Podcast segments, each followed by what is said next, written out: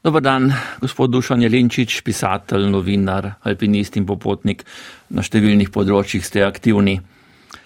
V širšo, ne le slovensko, ampak tudi italijansko in mednarodno zavest ste stopili z alpinističnim romanom Zvezdnate noči. Za biografski roman Šepet nevidnega morja, 12 tablet svinca pa ste prejeli nagrado preširnovega sklada. Ostanemo najprej pri tem romanu. V njem spremljate zaporniška leta svojega očeta Zorka Jelinčiča, enega izmed ustanoviteljev organizacije Tiger, ki je bil v strogih fašističnih zaporih in potem internaciji 9 let, obsojen pa na 20. Ne. Roman je nekako na meji med dokumentarnostjo in fikcijo. Čeprav sklepamo, ste izhajali iz očetovih zapiskov in jih razširili v, v narekovajih njegovo pripovedovanje. No, roman je zgodovinski. To se pravi, da jaz sem enostavno nadgradil njegove spomine. On je svoje spomine pač napisal na tista, na tista zaporniška leta, v glavnem. Jaz sem vzel ta tekst in ga nadgradil z literaturo. O tigru je bilo že napisano dosti zgodovine. E, sedaj je bilo treba to pisanje o tigru nadgraditi in sicer na pisateljski ravni, to se pravi se poglobiti v psiho te danih protagonistov. To spravi, kako so ti tigrovci eh, razmišljali, kako so se zabavali, kako so živeli, kako so med sabo občevali in tako dalje. In to pa je spet naloga pisatelja. In kdo bolj kot recimo en tak kot jaz, ki imam DNK svojega očeta, ki je ustanovi, eden od ustanoviteljev Tigra, in poleg tega sem tudi globoko preštudiral in preučil vse podatke od Tigra, se pogovoril s takratnimi protagonisti, ki so stali živi, tako da sem lahko naredil, vsaj upam, eno virodostojno sliko. Tudi zgodovinski roman ima svojo logiko. Logika je ta, da ti skušaš čim bolj verodostojno opisati tisti čas, ne da bi si izmislil karkoli. Ne. Jaz upam, da mi je to uspelo. Recimo tako, jaz sem čutil, da tisto, kar sem napisal, mora biti recimo najmanj do 80 odstotkov resnično. Jaz upam, da sem to dosegel. Komaj sem jaz slutil, da kaj bi lahko bilo neresnično, nepreverjeno, to v roman nisem dal. Kako pa ste osebno doživljali očetovo usodo? Vam je pripovedoval veliko v teh letih, da se zadnje ste ga zgodaj izgubili? Ne? No, jaz sem ga izgubil pri 11 letih, to se pravi, da jaz se nisem mogel nekako uživeti v njegovo zgodbo, posebno, ker on tudi zadnja leta svojega življenja je bil v dosti po bolnicah, predvsem, kar je najvažnejše, on, kot vidim, da večina protagonistov tedanjega časa o tistem času ni hotel govoriti, oziroma je govoril z redkimi, redkimi prijatelji, s katerimi se je razumel in predvsem, ki so razumeli tisti čas. Tako da jaz sem njegovo zgodbo poznal samo po tem, kar so mi govorili drugi, in drugič po njegovih spominih. Ne smemo pozabiti, da zadnja leta njegovega življenja je pisal spomine, ki so bili potem objavljeni šele 30 let po njegovi smrti. In jaz sem enostavno vzel te spomine in jih nadgradil. Ko sem hotel napisati eno zgodbo, sem jasno moral dati eno literarno logiko. To spravi, da marsikaj mi je manjkalo. Jaz sem hotel recimo poglobiti marsikatero postavko, ki zgodovinari niso poglobili. Recimo to, moj oče je eden tistih tigrovskih voditeljev, ki ni zbežal čez mejo in zato šel v zapor. On je bil eno tistih, ki je bil mučen. Jaz sem recimo prav samo pred par leti dognal, da, je, da so ga prisilili piti ricinusovo olje. Recimo. To se pravi, jaz sem hotel nekaj poglobiti. Tisto, kar je dalo en psihološki nivo te dani mentaliteti. In to se mi zdi, da je važno nagraditi, ker v Tigru so zgodovinari napisali dosti in mislim, da to imamo že dokaj jasno sliko, kaj je bil Tiger, da to je bila prva Evropska uporniška organizacija proti fašizmu, kdo so se uprli, to je primorski človek, zakaj se je uprl in to je komaj premisa, postavka, na kateri lahko gradiš psihološki grad, ki ga jasno vedno gradijo samo protagonisti tistega časa. V Tigru pravzaprav ni veliko leposlovnih del. Ne? Iz uh, druge svetovne vojne imamo ogromno knjig, literar, literarnih, pričevanskih, aktivističnih, angažiranih ali pa tudi kritičnih. V Tigru pa dobro, dejstva so znana, ampak literarne obdelave pa ni bilo, no, jaz ne poznam pravosti. No, ni literarne obdelave v bistvu ni bilo.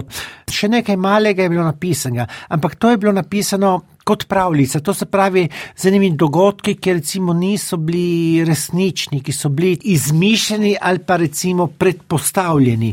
Tako da to je prvi tigorski roman.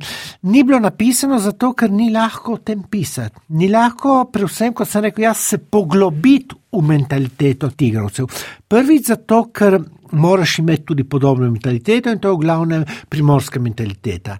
In drugič, moraš tudi poznati ena dejstva. To se pravi, moraš tudi zadeve globoko preštudirati, če hočeš napisati nekaj, ki je verodostojno, če hočeš napisati nekaj, kar je tudi umetniško vredno. Ne?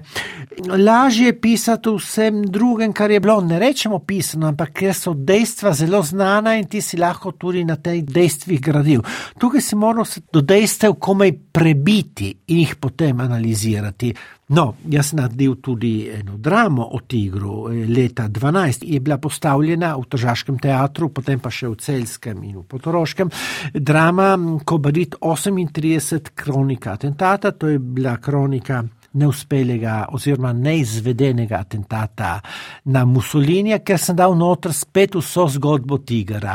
To je bilo recimo senzacija po svojem. Prvič, ko se je recimo na umetniški ravni, ampak na določenem nivoju, govorili o tigru. Sedaj pa končno je prišel tudi roman. Jaz upam, da bo prišel tudi k malu en daljši roman. Ta roman je pravzaprav že po nazivu kratek roman in je recimo nadgradja spomina mojega očeta. Tukaj treba napisati eno literarno celostno zgodbo. Ne. To še vedno čutim, da sem poklican, da bom to in to nekaj ne napisal. Prej ste omenili ricinusovo olje. Vemo, bil je to del mučanja, ampak šele to iz romana nekako začutimo, kaj to sploh pomeni. Da to ni samo podatek, da so pač mučili z ricinusovim oljem, ampak kako deluje, kakšne posledice ima. Je to razlika med stvarnim pisanjem in leposlovjem? Točno tako. Recimo zgodovinari, če opišijo ricinus olje, opišijo mimo grede. Recimo jaz sem pred relativno malo časa, samo nekaj let od tega sem zvedel, da so, da so njemu dali ricinus olje kar nekaj mesecev zaporedoma. E, on je napisal mm, oziroma omenil in svojim znancem, da so mu dali pol litra in liter na dan. To se mi zdi mal, mal pretirano. Prav gotovo sem vsak dan dali pit cel kozarec ricinusovega olja, kar ga je seveda mu uničilo totalno jedra. Na srečo rešilo ga je to, da je on vsak dan jev, jedel suh kruh, ki je to upilo, recimo. To je bil način mučenja, seveda nič skupnega s tisto, kar so dali recimo Lojzu Dobratožu, so dali strojno olje skozi stekla, zato je umrl v dveh mesecih v hudi hudih bolečinah. Nič skupnega tudi z nekaterimi drugimi mučenji. Vse zadnje njega so mučili tudi na drug način. Ne. Njega so dali, kot opišemo v knjigi, Sant Antonijo, so ga mu dali vrečo na glavi in vrteli in udarjali in tako dalje. Samo ricino so olje, to je tudi nekaj zelo zahrbnega. Če daš v majhnih količini, je to zdravilno, če daš velike, te te uniči. Ne. To so bili pač eno od tolikih sistemov fašističnega preganjanja. Zadnje leto zapora, deveto leto zapora, so mu to dali, ker so vedeli, ga bodo morali izpustiti, ampak so mu hoteli uničiti zdravje. Ne? Jaz sem hotel to raziskati in to je prav literatura za to, kako da je eden izjemno.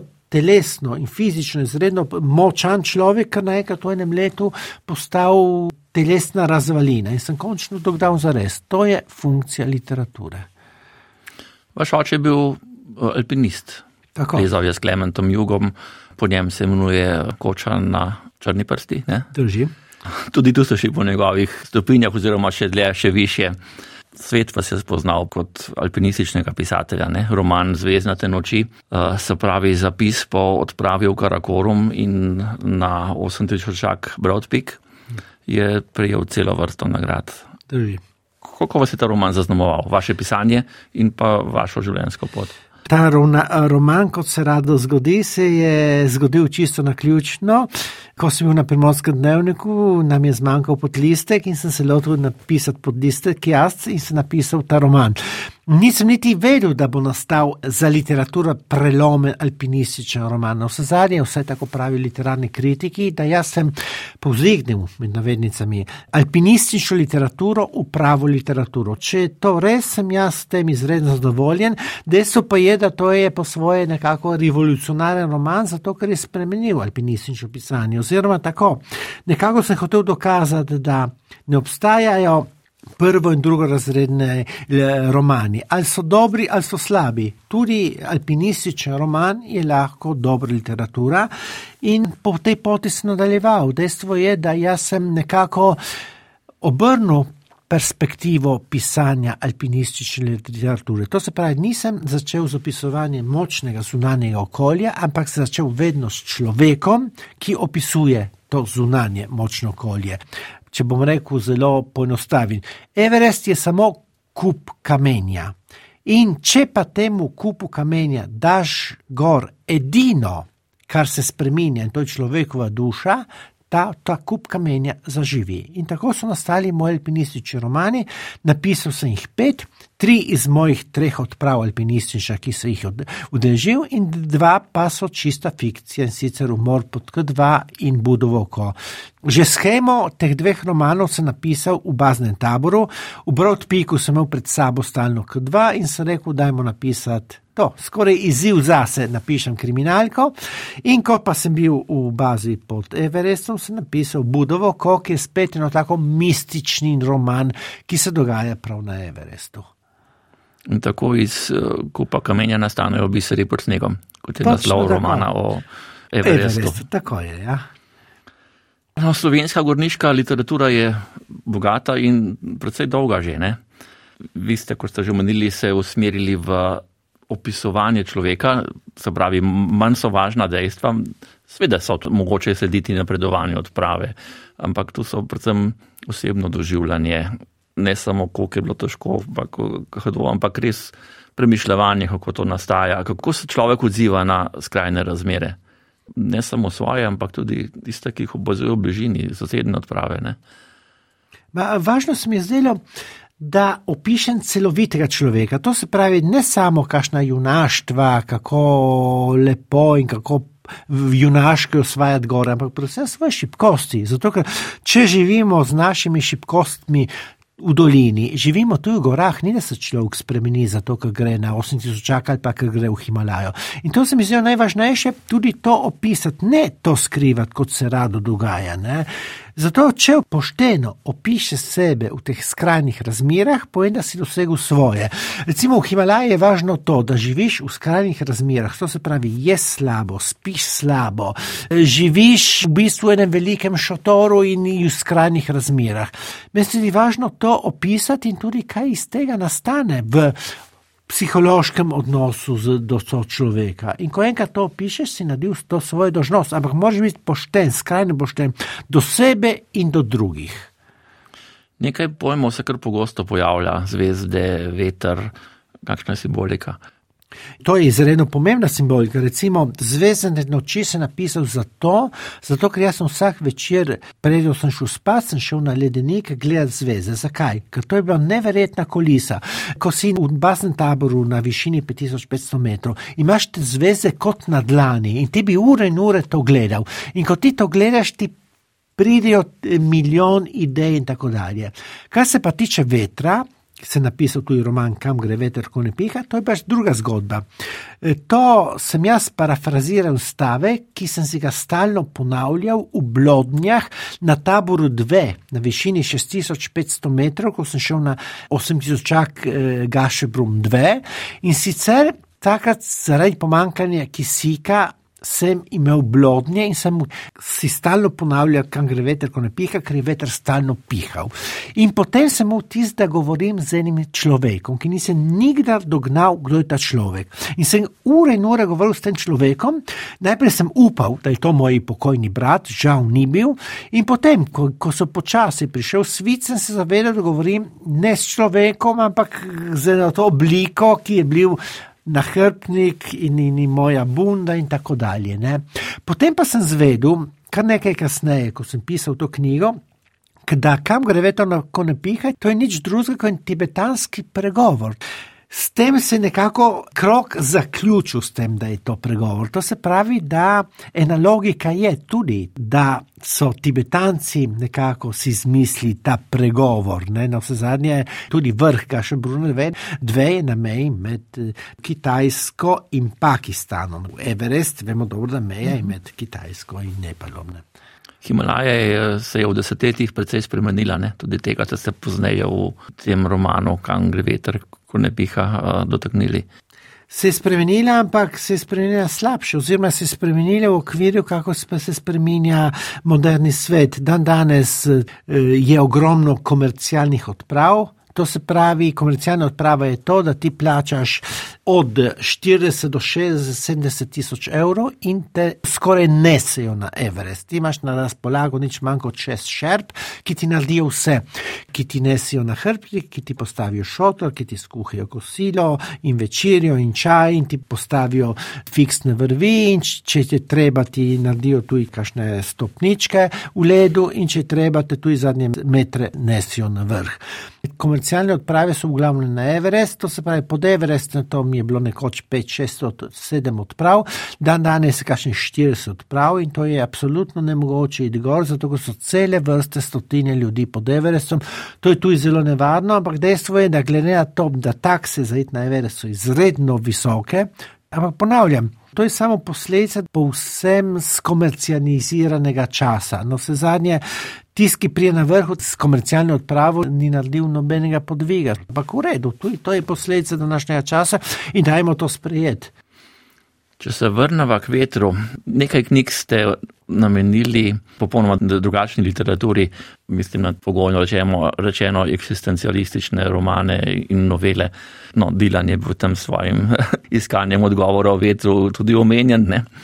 Se pravi, to je čas 70-ih let, pravi tudi vaših študentskih let. Drži in pa precejšnjih družbenih gibanj. Ne? Vi omenjate to študentsko levičarsko gibanje, precej idealistično, celo malo naivno in celo karikirate ga tudi kdaj. Druga stran te pahljače iz tistega časa je pa neka notranja praznina, samota, samost, vse to v enem človeku, v neki družbi. Kako zdaj gledate na tisti čas? Torej, jasno, jaz v 70-ih letih, to so bili izredno bogata leta, notranja, jasno smo bili zelo naivni, jaz sem bil kot vsi naiven levičarski študent, ki je hotel spremeniti svet, jasno, svet se je sam spremenil, jaz ga nisem spremenil in o tem tudi dosti pišem. No, vse zadnje kar nekaj romanov, recimo Ljubezen v času samote je tak roman, Nocoj bom ubil Čomske, tudi nekaj tazga, to opisujem eksistencialne probleme, tedanjih študentov, v katero sem spadal tudi jaz. Na vse zadnje, pisatelj piše o dogodkih, ki so te zaznamovali. Pisatelj tu rak piše o dogodkih, ki imajo eno težo. No, in te dogodki takratnega časa so me zaznamovali, so imeli določeno težo, so me tudi zelo obogatili. Jasno, da človek je v tistem času v tako ali drugače se znašel v eksistencialnem prilomnem času in to jasno opisuje. To je bogatstvo za pisatelja.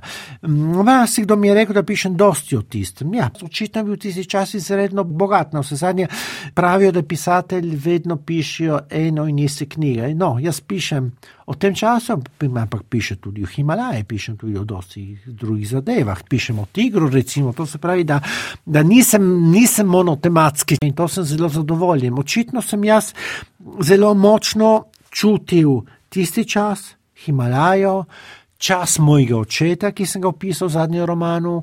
In tudi dosti drugih eh, stvari. Ja, trst, naprimer, ne? Tržaške prikazni z temi slavnimi tržačani in prišli ki v trst. Točno, jaz sem zelo do, močno občutil trst, no se zadnje, jaz sem polnopraven tržačan.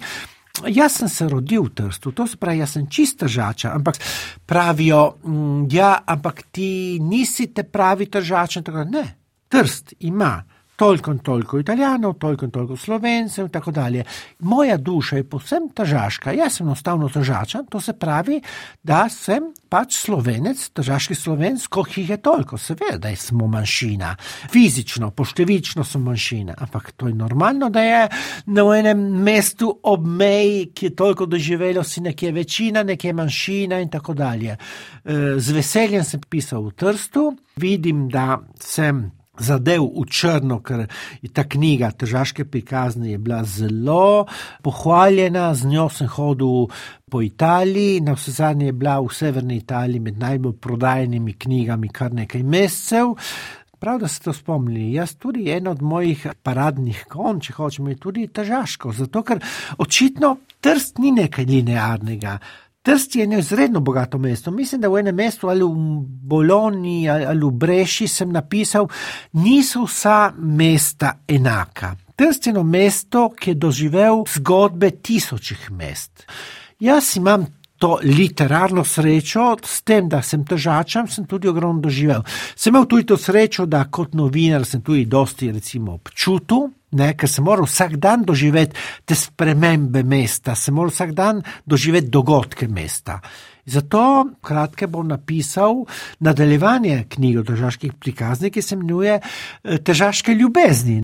In tako bom lahko en dan nadaljeval argument mojega očeta, ki je še toliko imel zapovedati, bom lahko nadaljeval tudi tiste čase študentske, bom lahko nadaljeval kakšno modlo tu izgodbo iz Himalaje. Na 8000 čaka ne bom več šel, ampak še vedno bom lahko ga še trekking naredil. Ne?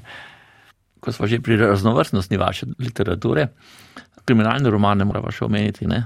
umor pod K2 ste omenili, potem no to je bomo ubil Čomskega. Sta nekako iz iste baze, no, kot smo jo že omenili, ampak eh, izvedba izpeljave pa popolnoma drugačna. Drži. No, eh, temu bi dodal tudi mistično, nisi za kriminalni, ampak vse so vseeno čudne smrti, budovo, ko recimo. Ne. Vsi ti moji romani so nenavadni. Ne? V moru pod K2 je kriminalka, ampak posebna kriminalka.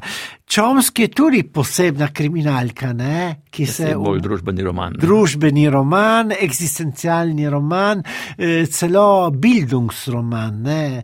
roman torej osebne rasti, če hočemo.